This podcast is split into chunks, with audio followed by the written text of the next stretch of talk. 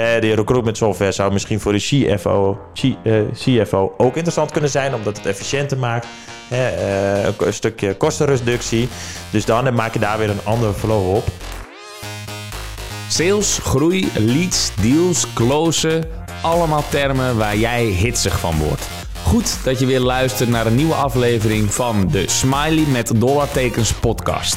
Ja, eerlijk, waardeloze naam, maar geweldige inhoud. Want samen met Pieter Res, en dat is volgens mij de beste business developer van Nederland, duik ik, Jordi Bron, in de wereld van sales. Al verkocht? Laten we snel beginnen. Yes, yes, yes. We zijn er weer met een nieuwe aflevering. De Smiley met heel veel dollartekens podcast. Dit keer, dit keer wederom een bekende gast voor jullie. Uh, Daan Smal, account executive bij Red Panda Works. En een opkomend spreker voor al je toekomstige events. Want afgelopen vrijdag, op vrijdag 10 juni, organiseerden wij het B2B Marketing en Sales Event. En Daan sprak daar over account-based sales. Over account-based sales gaan we het ook hebben in deze podcast. Maar laat ik jou gewoon eerst nog eens, e- eens introduceren voor de mensen die jou niet kennen. En ik zeg dat ik dat nu ga doen, maar doe jij dat vooral, Daan. Wie ben jij? Ja, dank voor je introductie. En leuk dat ik hier weer mag zitten. Volgens mij zat ik de vorige keer op de bank en nu op de stoel. Uh, dus de setting is iets uh, gewijzigd. Maar wie ben ik zelf? Voor de mensen die mij nog niet kennen. Ik ben Daan Smal. Ik ben uh, onder andere business developer bij Red Panda Works voor twee dagen in de week. En drie dagen in de week ben ik eigenlijk simpelweg marketeer. Wat doe ik als marketeer? Ik ontplooi allerlei aanbouwactiviteiten. Daar kun je denken aan koud mailen, tools die je voor, daarvoor gebruikt. Uh, maar je kan het ook breder zien, waaronder ook dus account-based marketing. Misschien wel een buswoord, maar we gaan het hebben over account-based sales. Uh, omdat ik me daarin heb verdiep, maar, verdiept heb. Maar ook omdat ik me daar ja, ervaringen heb. Ik heb het veel gedaan. Ja, en je zegt gelijk account-based sales. Wat is in jouw optiek uh, outbound, outbound sales? Outbound sales. Kijk, outbound sales, outbound sales is, zijn alle activiteiten waarbij je middels een push-benadering onder de aandacht komt bij je doelgroep. Dus vroeger was dat volgens mij gewoon via een flyer in de deur. En vandaag de dag kun je denken aan ads, maar ook per mail. alles waar je met een push-benadering onder de aandacht komt. En dan heb je daarnaast heb je natuurlijk nog inbound. En inbound is eigenlijk alles wat uh, naar jou toe komt. Ook wel demand generation genoemd, waar jij het vaak over hebt met je LinkedIn social selling. Ja. Maar dat kan bijvoorbeeld ook zijn door bovenaan te staan op Google. Ja. Ja, ik denk dat demand generation iets is voor een andere podcast. Maar ik wil ook jou vooral de vraag of stelling voorleggen wat we ook traditiegetrouw doen. We beginnen altijd de podcast met een stelling. Namelijk, sales professionals zijn geneigd om te snel te bellen. Oh, daar ben ik het niet mee eens. Want volgens mij zijn ze te afwachtend met bellen. Uh, vaak zie ik toch nog wel dat mensen... Nou ja, dat misschien wel een accountmanager uiteindelijk is omgeturnd naar iemand in, in de sales, als sales, uh, als business developer. Maar je moet gewoon vaak dit, snel die telefoon pakken ook omdat je dan snel van, die, uh, van de persoon hoort hoe die denkt over jouw product of welke behoefte hij heeft. Stuur je een mail of wacht je af? Zou die, kunnen, eh, zou die naar een concurrent kunnen gaan? Of hij wimpelt het heel makkelijk af en heb je geen antwoord. Dus dat vind ik zo waardevol aan snel bellen. En de beller is sneller. Ja, want hoe denk jij dat het komt dat sales professionals niet snel geneigd zijn om te bellen? Nou, dat had ik zelf ook. Dat is simpelweg gewoon een aanname. Een aanname van die persoon zit er niet op te wachten. Die vindt het vervelend. Ik vind het zelf ook vervelend om gebeld te worden. Uh, waardoor ze misschien wel een bepaalde angst hebben. En waardoor ze dan niet durven te bellen. Ja. Dat moet je gewoon weg. Uh, dat kan weggenomen worden door heel vaak te bellen. Uh, maar dat is wel iets anders dan account-based sales, waar we het volgens mij over hebben. Ja, nee, dat klopt. We hebben het inderdaad in deze over account-based sales. En account-based ja, ik weet natuurlijk wat het is, maar als ik zo het hardop zeg, dan klinkt het voor mij ook wel alsof je je meer focust op specifieke accounts. Maar ik leg ook graag die vraag bij jou neer. Wat is in jouw optiek account-based sales? Account-based sales. Nou ja, je, eigenlijk op voorhand ga je, je, heb je je doelgroep. En in die doelgroep heb je uh, een top 100 klanten, uh, middensegment misschien wel 500 klanten en daaronder 1000 klanten. Hè? Als je wat kleiner, als je wat kleinere doelgroep hebt. Dan wil je eigenlijk die 100 uh, accounts wil je veel tijd in investeren, omdat ze ook veel waarde vertegenwoordigen. En je kan je kruid misschien maar één keer uh, verschieten. En vervolgens kan je misschien een jaar later weer terugkomen bij hen. Dus het is ontzettend belangrijk aan de voorkant dat je bij die 100 accounts die je graag als klant wil hebben, heel goed weet wie zijn die personen nou? Wie moet ik benaderen? Wie is hij tegen welke welke behoeftes heeft die persoon? Wie is de, wie is de DMU? Dus de Decision Making Unit. Dus iedereen die een beslissing, een beslissing erover zou kunnen maken. Maar dat bestaat misschien ook wel uit een influencer of een gebruiker. Hè? Dus dat moet je allemaal goed inzichtelijk hebben voordat je eenmaal gaat beginnen met uh, het verkopen van je product. Zodat je ook weet welke content of welke uh, pitch of script ga ik gebruiken om met hen in contact te komen. Ja, dus even kort samenvattend. Überhaupt voordat je begint met account-based sales moet je eerst bezig zijn met de fundamentals, met het fundament. Om één, inzichtelijk te, te maken wie is je doelgroep. Twee, daarbij de DMU, Decision Making Unit. Welke personen zijn dat en wie komen daarbij kijken? En een derde en een vierde, heb je daar aanvulling op? Uh, uh, wacht, je zei de DMU, wie komen erbij kijken? Ja, en uiteindelijk, wat ik al zei, je moet gewoon die pijnpunt heel goed inzichtelijk krijgen. En dat kan je doen door middels customer interviews of interviews af te nemen bij je potentiële doelgroep van die mensen in die DMU. Dat je ook weet wat speelt er. Je kan wel een persoon opstellen, maar dat vind ik meer, dat vind ik vrij waardeloos. Je kunt beter weten van hey, een vergelijkbare functie lopen ze hier tegenaan. Uh, bij, verschil, bij vergelijkbare omvang van het bedrijf of in dezelfde sector. Dat je vervolgens ook weet, hey, hoe kan ik hierop inspelen. Ja, en voor wat, soort, voor, voor, wat voor soort partijen zou jij zeggen, of wat voor, ja, voor wat voor soort partijen zou jij zeggen, dit is uh, account-based sales is interessant voor jullie, jullie moeten dat doen? Misschien wel voor elke partij. Kijk, als jij uh, je richt op massa, dan is het anders. Maar ook bij de massa heb je een top 200 klanten die je graag zou willen binnenhalen. Dan zou je dat eigenlijk ook zelf moeten ontplooien. Uh, ze moeten gewoon veel waarde vertegenwoordigen. En het moet ook zinvol zijn om zoveel tijd erin te investeren. Want je moet wel realiseren, het kost heel veel tijd. En daarmee gaat er ook veel geld gemoeid. Ja, dus je zegt ook eigenlijk van er is wel echt een investering nodig. Nou, tijd en geduld. Uh, maar je zult uiteindelijk op den duur merken wanneer je dit implementeert dat de resultaten beter worden bij key accounts omdat je je daar meer op focust. Ja, ja, ja. En uiteindelijk, hè, je kan uiteindelijk zien als ze eenmaal binnen zijn, dan is het ook een heel mooi PR-dingetje voor, ook, hè, voor je uithangbord. Wij hebben deze partij is ook, heeft ook vertrouwen in onze service bijvoorbeeld. Dus daarin kan je dan weer verder borduren naar, naar de rest van je strategie. Maar ja, klopt. Het is gewoon het die klanten vertegenwoordigen een grote waarde voor je. Dus daar mag je ook heel veel tijd in investeren. Ja, ik wil het graag even wat concreter maken. Want voor mij is het nou ja, niet redelijk zweverig, maar ik denk dat het zou helpen als we zeggen van oké, laten we eens een B2B IT dienstverlener als voorbeeld nemen. Die heeft op dit moment 500 prospects in hun CRM. Jij wilt account-based sales implementeren bij deze B2B IT dienstverlener. Hoe zou je dat aanpakken? Ja, dat is goed dat je dat zegt hoor. Want ik had tijdens het event, waar je op het begin van de podcast even naar refereerde, had ik ook een case. En ik pak die case er wel gewoon opnieuw bij. Ik verwacht dat er niet veel mensen naar de podcast zullen luisteren die daar ook bij aanwezig waren. Misschien wel. Dan is het een herhaling van, uh, van, van zetten. Maar ik had daar een case bij gepakt. Dat was, ik deed voor alsof ik een aanbieder was van recruitment software. Voor uh, bedrijven tussen de 10 en 250 FTE. Ja, ik had 200, uh, ik had een top 200 geselecteerd die ik graag, uh, waarbij ik mijn product onder de aandacht wilde brengen. Nou, eerst heb ik een uh, customer interview afgenomen bij de decision maker, decision making unit. Dus iedereen van de influencer tot aan de beslisser weet wat er speelt, waar lopen zij tegenaan. En daar op voorhand had ik trouwens eerst een goed doelzoek, doelgroeponderzoek gedaan. Wie zijn die DMU's? Uh, wie, wie van de klant wil ik benaderen? Daarna heb ik interviews afgenomen. En daaruit bleek dat recruitment gepaard gaat met veel administratie. Wat zij vervelend vonden. En ze vinden recruitment gewoon een hoofdpijndossier. Het gaat moeilijk. Uh, dus dat waren allerlei inzichten die ik had verkregen. En daarbij ook, wie gaat er nou over? En uiteindelijk kwam naar voren of de operationeel manager of de HR manager. Nou, toen heb ik eigenlijk een stap, uh, stappenplan uitgezet. En stap 1 was simpelweg de voorbereiding. Stap 2 uh, was het, het ja, kijken wie is die persoon nou en hang dat, hang dat samen met de inzichten die ik heb verkregen. En vervolgens was de eerste activiteit die ik ga doen was iets fysieks opsturen. Want account-based sales is iets heel anders dan een normale sales. Je wacht met je sales trigger. Het is heel tegenstrijdig, maar je wacht voordat je eenmaal je pitch gaat geven. Je gaat een relatie op bouwen. Je gaat kijken of er...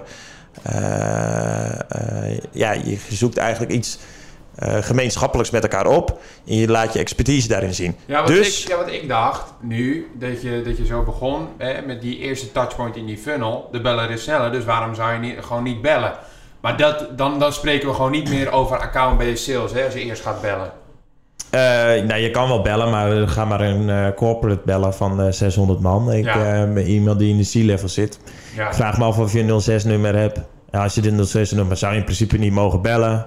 Maar goed, je, je kan vrij redelijk aan een 06 even goed komen.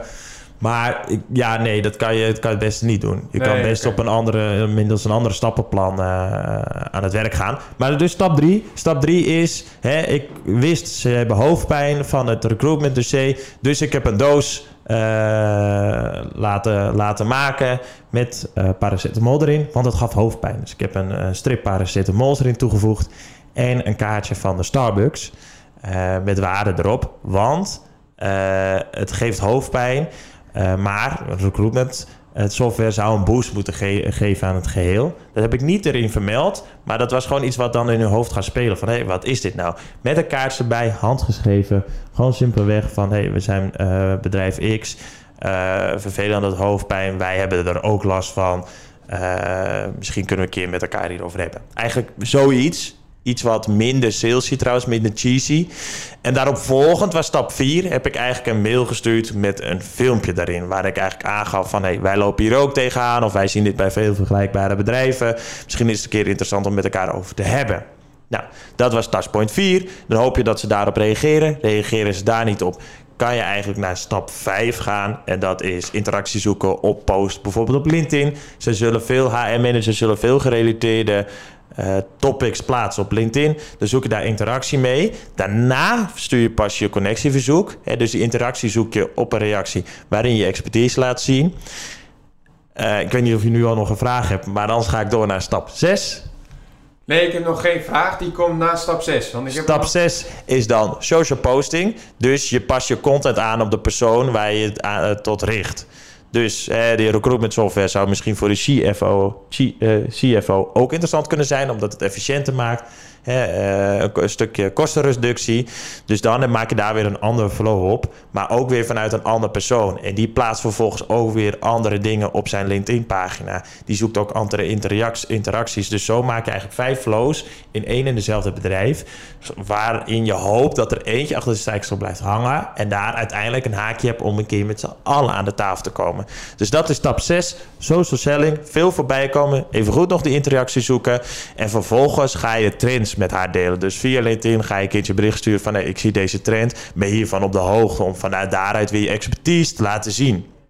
Ik zeg niet deel een trend, maar je kan ook een survey eruit sturen van hé, hey, wij missen een cruciaal punt binnen ons onderzoek die we nu doen binnen het, eh, het, het, eh, het genereren van data binnen recruitment. Eh, hoe pak jij dit aan? En dan vervolgens kan je misschien wel een reactie krijgen. Dat brengen je allemaal weer samen. Dan vraag je ook naar haar expertise. Dat eh vlijt, haar ook. En van daaruit kan je dan weer een artikel maken. is goed voor je PR. Maar je kan ook weer terugkomen met de resultaten. Met een haakje. En vanaf daar ga je nog steeds niet achter je sales pitch aan. Nee, je gaat een keer weer een webinar organiseren. Je laat weer zien wie je bent. En misschien weer een podcast. En als allerlaatste stap ga je bellen. Ga je je pitch geven van... hé, hey, we hebben elkaar al nu meermaals gezien, gesproken. Ik zie dat we vergelijkbare dingen met elkaar doen. Het is denk ik meer dan relevant een keer om het elkaar hierover te hebben. En dan is pas je pitch. En niet in al die tien stappen daarvoor. Een gretige sales professional zou het denk ik lastig vinden met deze stappen om niet vroegtijdig te gaan bellen. Want als iemand natuurlijk bij een webinar is geweest en jij hebt nog een stap, daarna bijvoorbeeld met een eh, survey of iets dergelijks, een variant daarop, dat je dus nog niet belt. Nee, een gretige zou dat doen inderdaad. Ja, maar je moet, je, moet, je moet er helemaal eigenlijk warm krijgen voor hetgeen wat je doet. En realiseer je ook dat je niet... misschien wel enigszins uniek ben, maar waarschijnlijk maak ze al gebruik van een bepaald systeem. En als je papa, gebruik maakt van een bepaald systeem, dan stap je ook niet zomaar over. Dus je moet wel heel veel waarde en vertrouwen weten te creëren in die hele, in die hele journey, wat je eigenlijk doet. Hè? Uh, dat is een keertje met jou in gesprek wil gaan hierover. Ja, en wat voor metrics meet je nou in dit proces? Want ik kan me voorstellen dat die eerste stappen in dit proces, ja, een paracetamol opsturen, uh, lastig meetbaar. Het is super lastig meetbaar. Je kan wel een QR-code aan toevoegen. Kan je zien of het is geopend. Maar dat gebeurt niet. Uh, je kan het wel aangetekend misschien sturen, maar dan komt het ook bij het bedrijf binnen. Dat is je met gebeurt niet? Hij wordt niet gescand? Nee, hij wordt niet gescand inderdaad. Dat gebeurt nooit? Zelden. Ja. Zelden. Het gebeurt echt bijna niet dat een QR-code wordt, uh, wordt gescand. Uh, dus het is lastig om het meetbaar te, te maken. Uh, je kan wel alles bijhouden in je CRM-systeem. Natuurlijk, je hebt het opgestuurd. Het lijkt me zeer onwaarschijnlijk dat als je zoiets uniek stuurt, dat het niet bij komt. Het kan wel, het kan wel gebeuren, maar misschien is dat 20%. 80% zal je wel ja, hetgeen uh, ontvangen. Want kijk naar bij ons hier bij Red Pen. Hoe vaak hebben we iets al opgestuurd gekregen? Ja, dat is leuk dat je hierover begint. Want ik weet niet, eh, eh, er kwam ook als ingeving. Vorige week kwam natuurlijk iemand hier wel langs. En die gaf natuurlijk een videoboodschap af met een QR-code. Weet je dat nog? Ja, dat weet ik. Heb je die ook gescand of niet? Die heb ik gescand omdat hij erbij stond en omdat ik in de marketing zit. Ja. Heb jij ook die video bekeken? Ik, uh, ja, ja, ik heb erop ge ik heb gescand, maar ik heb niet gekeken. Ik, ja, ik weet niet. Ik vond het uh,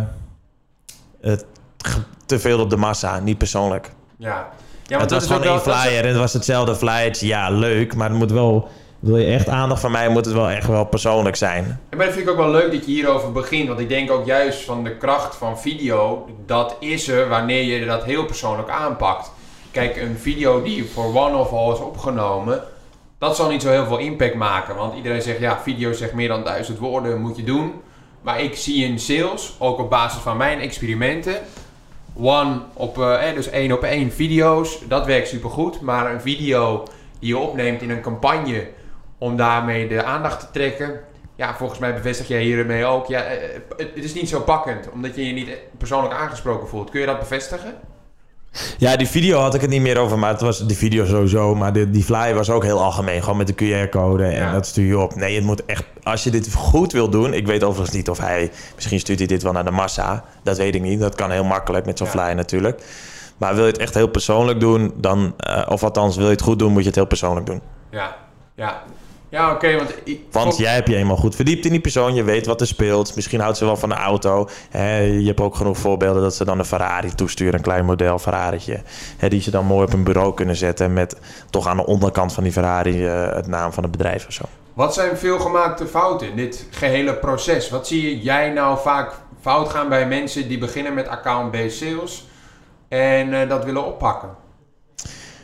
Je moet realiseren dat het een langdurig traject is waarbij je niet kunt verwachten dat je uh, binnen drie maanden resultaten zal gaan verwachten, uh, zal krijgen. Kan overigens wel. Maar je moet het op de lange termijn zien. En je moet het ook volhouden. Hou het consistent vol. Hou alles goed bij. Hou alles goed bij in je CRM-systeem. Want misschien touchpoint 16 van je persoonlijke berichten die je allemaal hebt gestuurd. Dat zou uiteindelijk kunnen converteren naar misschien een keer een gesprek. En dat gesprek kan vervolgens ook weer een touchpoint zijn in misschien twee jaar later een keer met elkaar aan tafel komen. Dus hou alles gewoon goed bij in je CRM-systeem en hou vooral ook vol. Ja, zou, jij, zou jouw advies ook zijn voor organisaties met een sales team en daarbij per head, hè, per, per sales manager, per, per, per sales rep, sales professional, laat ik het daarop houden. Van doe dit naast je huidige activiteiten of stort je hier volledig op Probeer uh, commitment binnen de organisatie te vinden. En ja, wat ik zeg, stort je daar volledig op. Hè? Dus laat je, je, je huidige prospecting even voor wat het is. Ja, dat is lastig, want ik denk dat elke business weer anders is. Hè. Sommigen zitten gewoon altijd op de corporates. Uh, wij hebben ook klanten waar we, die maar die een product hebben waarvoor misschien 200 bedrijven maar in aanmerking komen. Ja, dan kan je niks anders dan dit. Ja. Maar ik zou zelf het wel leuk vinden om die, uh, die variatie daarin wel te hebben.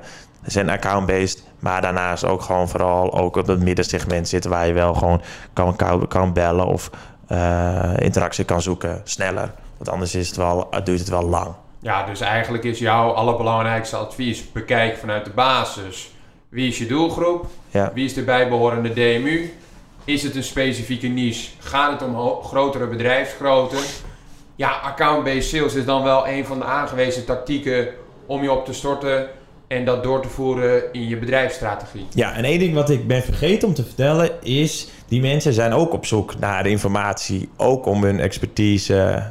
eh, ook om nieuwe inzichten te verkrijgen. Waar doen ze dat? Vaak ook naar webinars of naar events toe te gaan. Bijvoorbeeld in de rij, weet ik van wat, beurzen.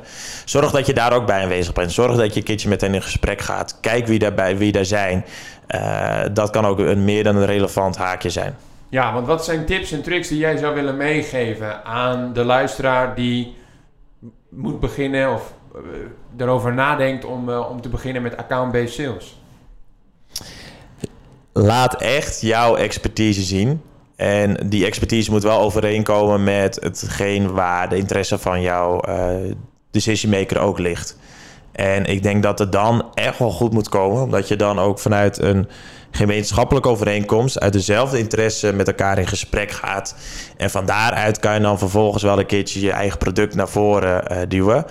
Eh, moet het echt uit je tenen komen? Is het gemaakt? Heb je er niet heel veel kennis van? En zal ze dat ook terugzien? Dus hè, als je, eh, wij, nemen nu ook een podcast over, over sales, omdat het interesseert, omdat we het leuk vinden. Sommige mensen zullen hier weer naar luisteren. Doe dat dan ook met hetgeen wat jij doet. En hè, dan, komt, komt het wel goed over. Eh, dat is eigenlijk over het algemeen wel dit verhaal. Maar je snapt wel een beetje wat mijn intentie is, denk ik. Ja, zeker. Ik denk ook dat mijn belangrijkste takeaway voor account-based sales is dat het gepaard gaat met één. Dat is consistentie. Hou vol. Neem de tijd. En ten tweede, heb vooral ook geduld. En misschien mijn derde takeaway, ook denk ik de allerbelangrijkste daarin is, is begin bij je basis, je fundament. Bekijk vanuit je doelgroep, niet vanuit je business. Wat is daar de situatie? Wat wordt er gezegd bij salesgesprekken, wat er speelt? En dat je dat uiteindelijk kunt doorvertalen in de funnel die je natuurlijk met elkaar opstelt om dit gehele proces aan te pakken.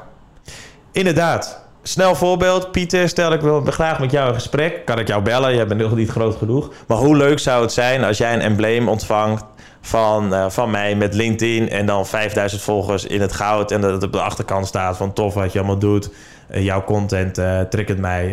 Ik, zit, ik heb software voor LinkedIn, weet ik veel wat. Dan kunnen we een keertje babbelen. Dat vind jij leuk. Dat heb je nog nooit eerder ontvangen. Dat maakt, maakt het uniek, die benadering. En wees creatief ook. Dat wil ik eigenlijk daarin meegeven. Ja, ik heb het nog nooit meegemaakt. Dus voor de, de luisteraar die wellicht werkt bij LinkedIn, eh, benaderen is mij eens eens op, op, op die manier. Want inderdaad, dan zou ik er licht wel openstaan voor je gesprek.